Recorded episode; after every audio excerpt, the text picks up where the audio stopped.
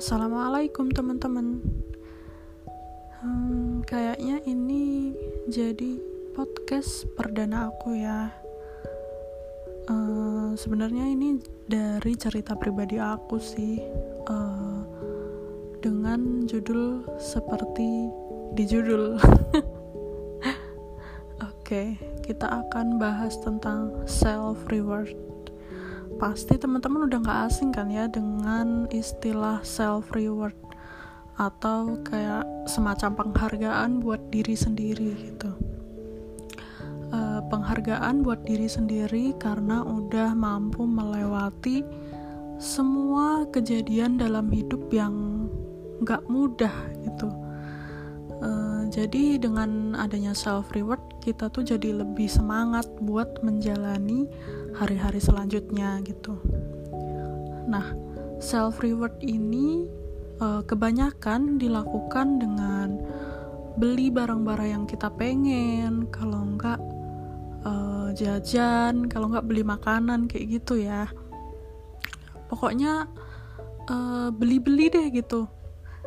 Uh, tapi kalau menurutku self reward dengan cara beli membeli itu nggak selalu baik ya.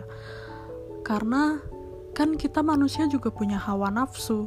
Jadi bisa jadi bisa jadi aja uh, yang kita maksud sebagai self reward itu adalah hasutan hawa nafsu gitu. Jadi yang berkedok self reward gitu uh, di sini aku mau berbagi cara self reward yang bisa dilakukan dengan cara yang positif dan tentunya disukai oleh Allah gitu. Oke, aku mau cerita beberapa hari yang lalu. Uh, oh ya, sebelumnya aku itu kan mahasiswa semester akhir ya uh, di tiga jurusan akuntansi. Jadi lumayan ribet lah ya buat tugas akhir dan agak susah menghubungi dosen juga karena di masa pandemi ini gitu. Nah kemarin uh, untuk masalah nilai dan sebagainya tuh aku alhamdulillah udah selesai. Jadi seneng banget kan rasanya. Nah sebagai uh, rasa syukur atau self reward menurutku aku melakukannya dengan berbagi uh, dengan orang lain gitu kalau menurutku sendiri apa pun yang membuat kita senang itu bisa dinamakan dengan self reward gitu. Uh, dengan itu contohnya berbagi dengan orang lain. Kalau enggak uh, bersihin kamar deh yang paling gampang. Menurutku itu juga self reward karena pada akhirnya kamar kita jadi bersih kan. Kita jadi seneng gitu. Terus bantu orang lain atau melakukan hal-hal yang bermanfaat menurutku itu juga self reward jadi self reward itu nggak melulu harus beli ini beli itu dan lain sebagainya.